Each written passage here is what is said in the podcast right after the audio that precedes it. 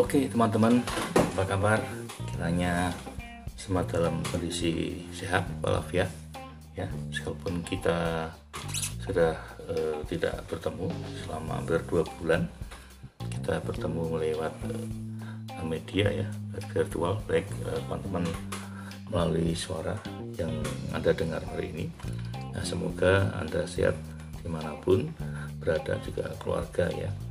Memang kita ada upaya untuk uh, nanti pertemuan lagi di semester ke depan setelah diberlakukan era new normal kuliah juga akan mulai berjalan ya secara bertahap.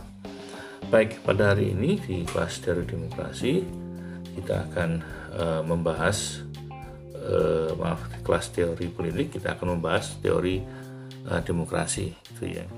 Setelah kita membahas di awal pun pertemuan kita konsep uh, negara secara ideologis, konsep negara uh, secara kekuasaan dalam arti kalau kita membahas tentang teori politik itu kan kita bicara tentang uh, negara, bicara tentang kekuasaan, bicara tentang demokrasi, asasi manusia dan seterusnya itu ya.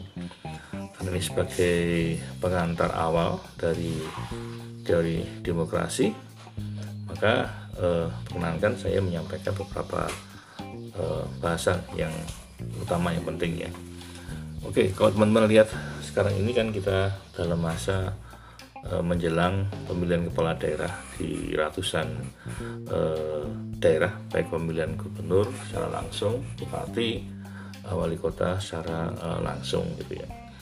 Nah, sesungguhnya pemilihan kepala daerah atau juga pemilu tahun 2019 yang lalu itu merupakan pewujudan dari uh, demokrasi di mana negara yang menganut konsep demokrasi. Nah, pertanyaannya adalah uh, apa itu demokrasi gitu ya.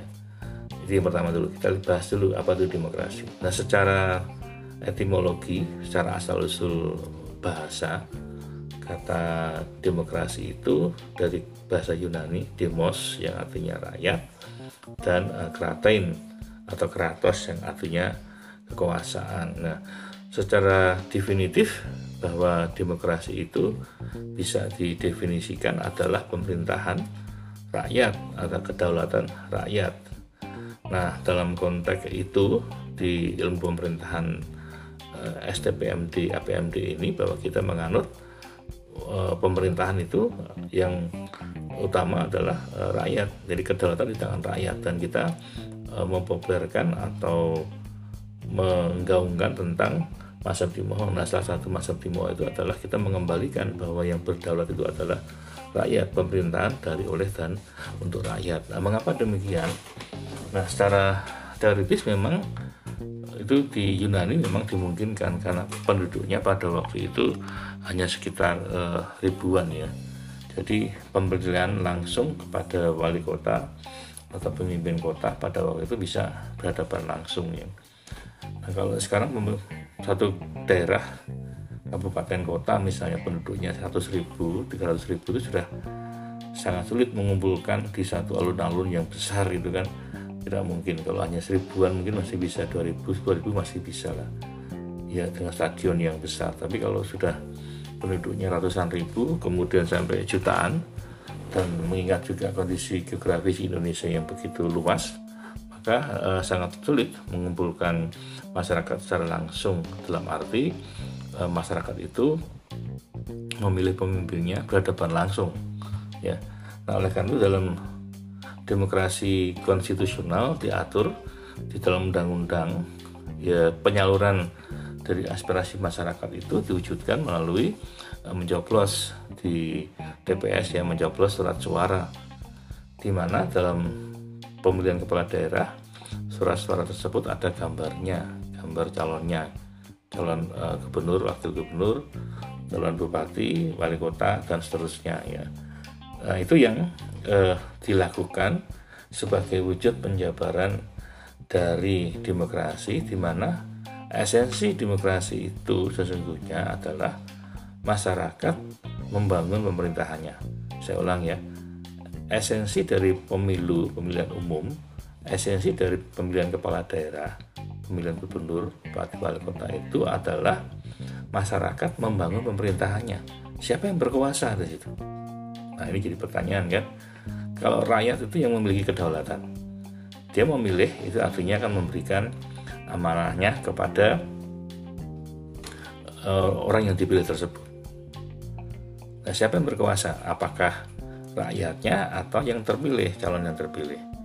Nah, pada kenyataannya adalah pada saat pemilu yang lalu, misalnya anggota DPR, DPRD, DPD, bahkan juga presiden dan seterusnya, juga uh, gubernur, bupati, wali kota yang terpilih itu seolah-olah ya, seolah-olah dan memang kenyataan demikian ada keterputusan elektoral Nah, di sinilah yang kemudian muncul pemikiran adanya keterputusan elektoral itu adalah partai politik yang mengusung calon di pemilihan umum dan juga di pemilihan kepala daerah itu setelah mereka calonnya terpilih meninggalkan ya meninggalkan uh, rakyat gitu meninggalkan masyarakat. Nah oleh karena itu dalam konteks masa Timoho kita ingin mengembalikan bahwa yang berdaulat itu adalah rakyat masyarakat.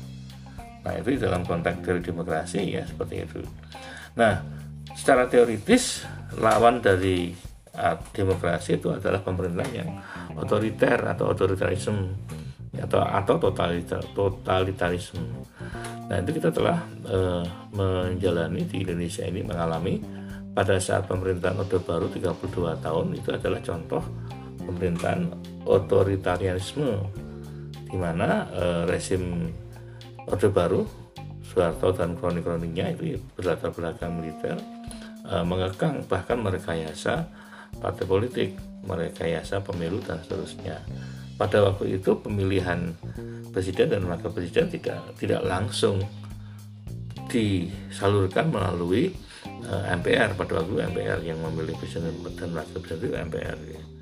Nah bahkan juga dalam pemilihan DPR DPR dan DPRD pun itu dalam pemerintahan Orde Baru pada waktu itu masyarakat hanya memilih gambar partai tidak memilih orang. Kalau sekarang kita melihat dalam konteks eh, pemilu era reformasi ini masyarakat memilih eh, gambar orang atau nama orang itu artinya kan dia memilih langsung. Tapi dalam Orde Baru itu pemerintahan otoriter memilih nya itu hanya memilih partai. Lalu partai menentukan siapa yang duduk di dalam di DPR atau di DPRD. Nah di Yunani kuno tadi saya sebutkan bahwa demokrasi langsung itu uh, sudah berjalan di mana masyarakat langsung duduk bersama dengan para pemimpinnya. Ada misalnya ada 10 calon pemimpin di satu lapangan besar dia langsung milih gitu ya. Dia menggunakan batu gitu ya langsung berhadapan-hadapan memilih langsung. Nah pada saat diterapkan demokrasi langsung di Yunani pada abad yang keempat sebelum masehi. Yang berhak memilih itu hanya laki-laki ya. Laki-laki perempuan tidak boleh memilih. Kemudian budak juga nggak boleh memilih. Hanya tertentu saja. Ya ini eh, konteks demokrasi langsung di eh, Yunani ya, ya. Kemudian yang berikutnya adalah nah, konsep demokrasi sebagai satu sistem pemerintahan memang berasal dari Yunani ya kemudian dikembangkan di zaman modern ini kalau kita lihat dalam pemilu maaf dalam teori yang kemarin kita pelajari nah, konsep itu uh, dimunculkan kembali uh, setelah masyarakat khususnya di Eropa kita lihat pada waktu John Locke menggugat uh, pemerintah yang ada pun monarki karena melihat di, di masyarakat Eropa pada abad yang ke-16, 17, 18 itu uh, pemerintahan sistem monarki itu uh, dianggap tidak adil, dianggap uh, tirani, memunculkan tirani, memunculkan pemerintah yang otoriter dan seterusnya, maka muncul uh, para pemikir demokrasi di antaranya adalah John Locke.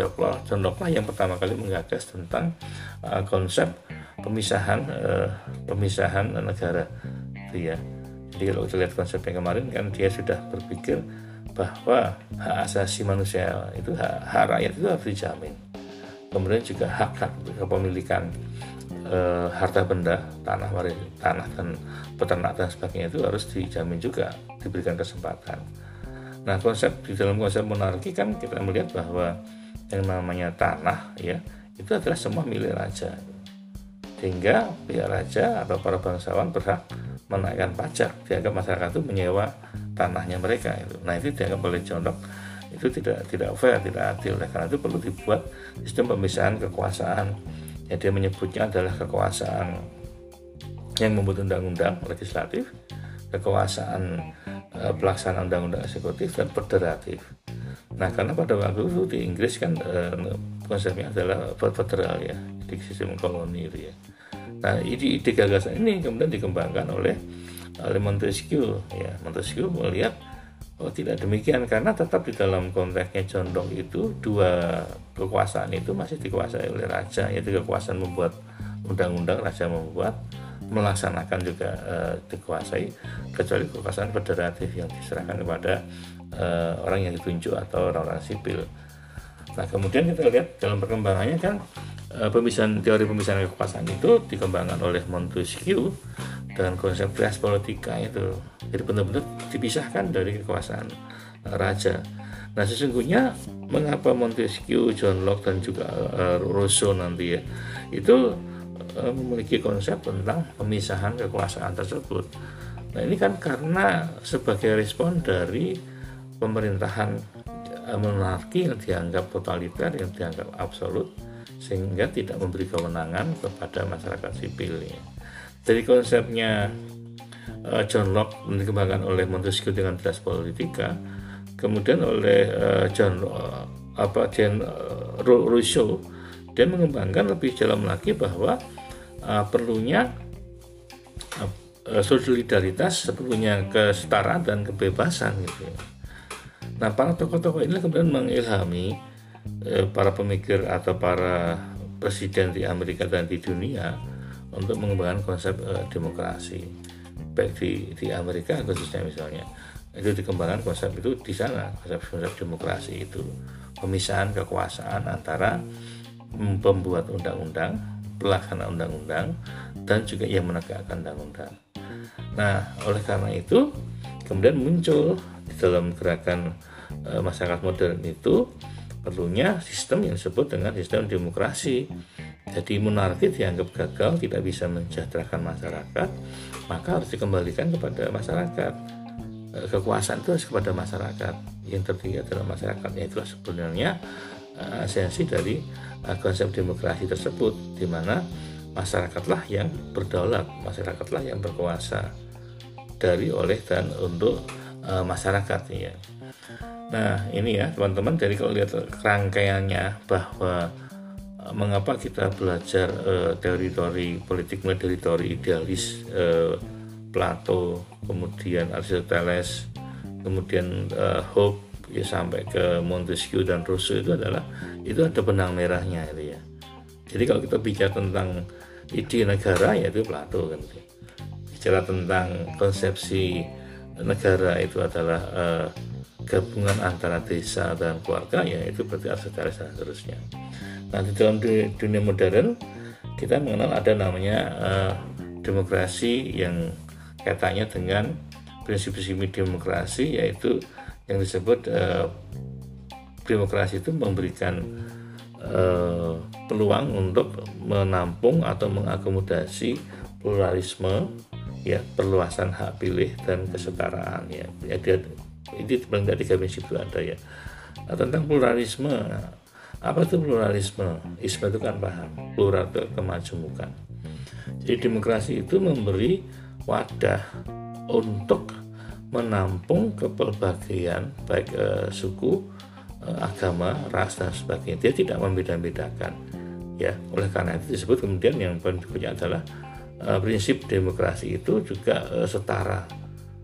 Orang itu sama haknya. Nah, kalau di dalam Undang-Undang Nomor 7 tahun 2017 tentang pemilu yang disebut pemilih itu adalah mereka yang berumur 17 tahun atau mereka yang sudah menikah itu memiliki hak pilih dan karena mereka memiliki hak pilih ya dan setara dan diakomodasi oleh eh, konsep atau sistem demokrasi maka setiap warga Indonesia, warga negara Indonesia yang berumur 17 tahun atau sudah menikah itu berhak juga dia dipilih artinya dia berat dicalonkan menjadi anggota DPR, DPRD dan seterusnya itu ya.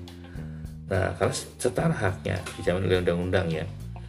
Yang berikutnya adalah uh, secara arti ya, apa itu arti demokrasi itu ya. Nah, dalam materi yang saya unggah di portal itu, saya mengutip dari satu tulisan teman di internet ya. Tapi prinsipnya kita bisa uh, kembangan kita saya pakai ya. Nah, ada landasan uh, secara ada tiga, tiga kontak yang pertama adalah demokrasi secara politik nah kalau secara politik saya sudah sebutkan tadi di awal ya di pengantar bahwa adanya konsep e, pemikiran Plato, Aristoteles, Hobbes sampai pada Rousseau dan sebagainya itu itu secara teoritis bahwa itulah yang menjadi dasar menjadi landasan munculnya konsep demokrasi yang intinya konsepsi demokrasi itu muncul sebagai antitesis ya terhadap monarki sistem monarki yang dianggap e, tidak mensejahterakan masyarakat gitu ya. itu secara teoritis ya nah secara ideologis e, konsep demokrasi itu adalah mengedepankan mengutamakan adalah nilai-nilai tadi kebenaran. Nilai-nilai kesetaraan ya. Nilai-nilai kebebasan dalam hal memilih. Makanya di Indonesia kita mengenal dengan istilah luber dan jurdil ya, prinsip demokrasi itu, itu. Langsung atau memilih pemimpin secara langsung umum diselenggarakan secara terbuka umum uh, bebas ya tidak ada tekanan tidak ada bujukan dan sebagainya. Rahasia kan kita nyebutnya di TPS ya.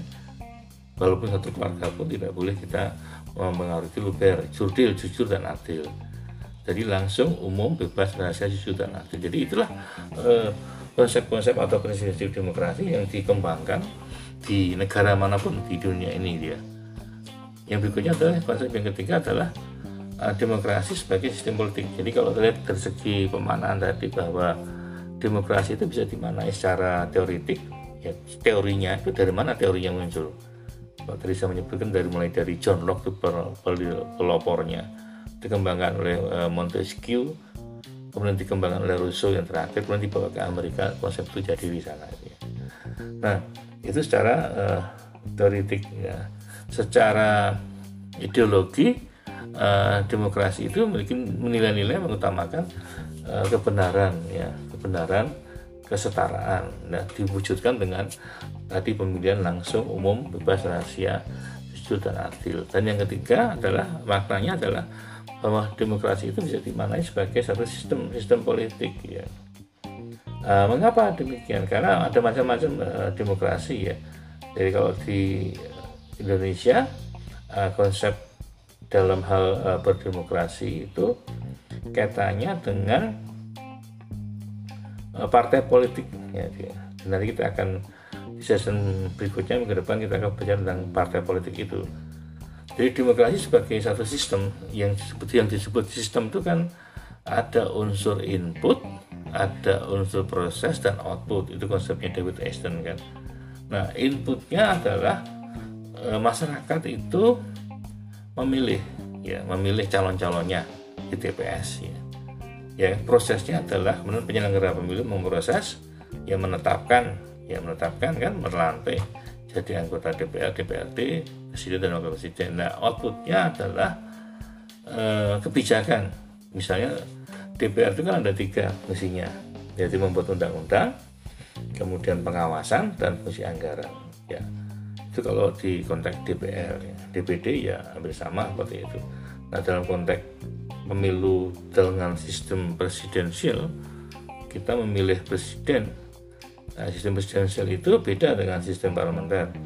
Ya, kalau hasilnya adalah kita pemilihan presiden itu eh, presiden dilantik, maka presiden di Indonesia itu juga sekaligus selain dia sebagai eh, kepala pemerintahan, ya menjalankan pemerintahan, dia juga sebagai kepala negara. Jadi presiden di Indonesia itu karena dia adalah kepala pemerintahan, dia mengkomando, dia yang mengetuai, tapi juga menjadi juga sekaligus kepala negara. Nah, sebagai kepala pemerintahan, maka uh, dari segi sistem uh, dia berkuasa menentukan buat kebijakan, buat aturan undang-undang dibantu oleh para menterinya. Nah, sebagai kepala negara, dia berhak juga buat undang-undang diatur di sana uh, mengenal misalnya dalam kasus covid ini uh, presiden sebagai kepala negara menentukan ini adalah masalah darurat yang menentukan masalah perang dan sebagainya. Jadi presiden berhak itu sebagai kepala negara mewakili uh, bangsa ini. Oleh karena itu uh, pernah terjadi beberapa waktu lalu uh, di media sosial ada masyarakat atau oknum masyarakat yang melecehkan menghina presiden. Dalam hal itu dia adalah menghina kepala negara dan ada undang-undangnya. Maka dikenakan sanksi yaitu pidana dan e, perdata masuk kurungan e, penjara dan juga di denda karena bukan menghina pribadinya yang bersangkutan tapi ini ingat dalam sistem presidensial itu itu e, presiden itu adalah juga kepala negara. Dia menghina negara itu ya kalau dia menghina negara ya dia berhubungan dengan negara berhadapan dengan hukum ada proses hukumnya. Maka lembaga yudikatif dalam ini pengadilan ya menangkaplah orang itu kemudian diadili. Secara hukum ada aturannya ya ada undang-undang ITE itu ya yang di mana kalau postingan e, di media sosial itu merendahkan atau menghina negara itu hati-hati itu bahaya itu ada undang-undangnya nah di situlah sebenarnya e, fungsi dari e, undang-undang memang di dalam era demokrasi ini diberikan kebebasan namun sering kali masyarakat tidak bisa menggunakan kebebasan kebebasan itu secara bertanggung jawab atau tidak tahu undang-undang atau tidak mau tahu tentang undang-undang. Jadi kalau di dalam media sosial kita harus juga uh, bijak menggunakan kata-kata dan juga mungkin gambar dan seterusnya itu ya. Nah, dalam konteks anti demokrasi melalui tiga pendekatan tersebut, di mana pemerintahan itu dengan sistem uh, demokrasi, maka sumber wenang bagi pemerintah tujuannya adalah melayani dan mewujudkan pemerintahan masyarakat tentara rakyat. Misalnya sekarang ini dalam kasus COVID-19, eh, kepala negara dan juga kepala pemerintahan semua memfokuskan mengatasi masalah eh, COVID-19 atau virus COVID-19 ini yang sampai hari ini belum ditemukan. Uh, virusnya karena ini mengancam uh, kesehatan, mengancam masyarakat dan menimbulkan dampak kematian dan sebagainya. Sehingga semua anggaran semua kebijakan gerakan sana. Maka muncullah Perpu nomor satu, Perpu nomor dua dan seterusnya yang me, di mana negara mengambil alih dalam rangka untuk menyelamatkan bangsa dan negara khususnya masyarakat maka diarahkan untuk mengadakan proses-proses uh, penyelamatan melalui prosedur protokoler. Itu itu kewenangan dari pemerintah atau kepala negara bisa melakukan hal itu gitu ya. Jadi dalam hal-hal kasus tertentu dalam kasus tertentu ya. Di mana negara mengalami gawat darurat ya diancam mungkin karena perang karena kalau sekarang kan kasusnya karena kesehatan. Musuhnya tidak kelihatan itu belum berbahaya bisa mematikan. Maka kepala negara kepala pemerintah punya hak untuk mengambil tindakan-tindakan gawat darurat itu dalam mengeluarkan perpu gitu ya. Nah, bila teori demokrasi ini diterapkan di dalam konteks di Indonesia, eh, maka kita melihat bahwa tadi ya ternyata hasil pemilu, hasil pilkada itu justru menimbulkan adanya keterputusan elektoral gitu ya. Dan ini, ini teorinya misalnya dari Skumter mengatakan bahwa metode demokrasi itu adalah prosedur kelembagaan untuk mencapai keputusan politik yang di dalamnya individu memperoleh kekuasaan untuk membuat keputusan. Jadi artinya bahwa proses demokrasi dalam konteks pemilu atau pilkada itu kan para elit partai politik, anggota parpol itu kan mencalonkan diri atau dicalonkan. Ya, Nah setelah dia jalankan berkompetisi dia menang, lalu dia membuat keputusan. Nah karena dalam konsep ini ya yang ada keputusan di situ mereka mendapatkan amanah dari rakyat dari masyarakat. Ya, namun setelah mendapatkan itu mereka lupa orang yang mendukungnya. Ya. Nah sesungguhnya ini yang saya sebut dengan keputusan elektoral itu akan menjadi kemudian krisis. Ya, sekarang itu terjadi di beberapa negara di Eropa di Indonesia juga di Amerika itu kita mengalami krisis demokrasi. Nah, apa tuh krisis demokrasi? Krisis demokrasi itu ditandai adanya tadi keterputusan elektoral. Jadi orang yang dipilih, yang dipercaya itu tidak lagi amanah, ya. Lalu yang kedua, sistemnya jalan, pemilunya, pilkadanya jalan.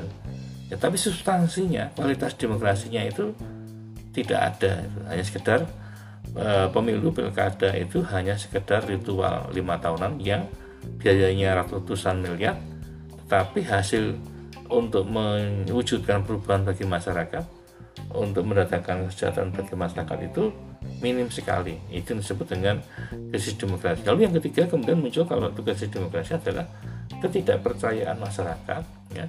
Dalam ketidakpercayaan masyarakat terhadap pemimpin terhadap negara. Misal di Amerika sekarang ini terjadi krisis demokrasi ya. Masyarakat banyak yang tidak percaya dengan pemimpin mereka. Sehingga pada saat kasus ada seorang yang namanya George Floyd itu diperlakukan tidak adil oleh anggota polisi itu gerakannya meluas sedemikian cepat di seluruh e, negara. Itu karena ada 50 negara mulai bermula dari Minneapolis dan perkembangan negara-negara di negara bagian di Amerika. Cepat sekali kan itu sangat sensitif sekali. Karena apa? Ya tadi faktor ketidakpercayaan terhadap pemimpin mereka itu sudah ada. Pada saat hak-hak sipil dilanggar maka itu seperti halnya menyulut api ya di tengah-tengah uh, di tengah-tengah padang yang kering di tengah padang rumput yang kering sehingga mudah sekali tersulut nah itu bahaya sekali ya.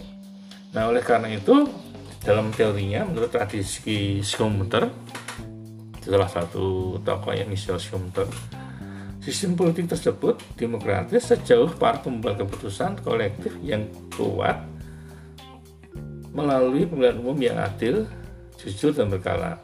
Jadi saya ulang ya menurut komentar, sistem politik demokrasi tersebut itu menjadi kuat bila pemimpinnya itu dipilih melalui pemilu yang adil, jujur dan berkala dari setiap lima tahunan. Itu secara teoritis iya. Namun sekarang terjadinya adalah oke okay, dipilih jujur secara adil ya lima tahunan.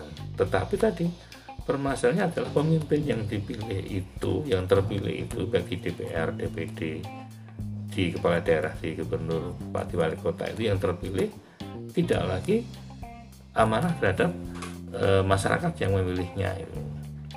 Nah ini secara teoritisnya ya eh, teman-teman kalau anda lihat di dalam e, materi yang saya berikan lewat portal itu e, secara demokrasi itu Yosef e, Smeter Yosef e, Smeter mengatakan demokrasi merupakan suatu perencanaan institusional untuk mencapai keputusan politik di mana individu memberi kekuasaan untuk memutuskan cara ber, cara perjuangan kompetitif atas suara rakyat ya.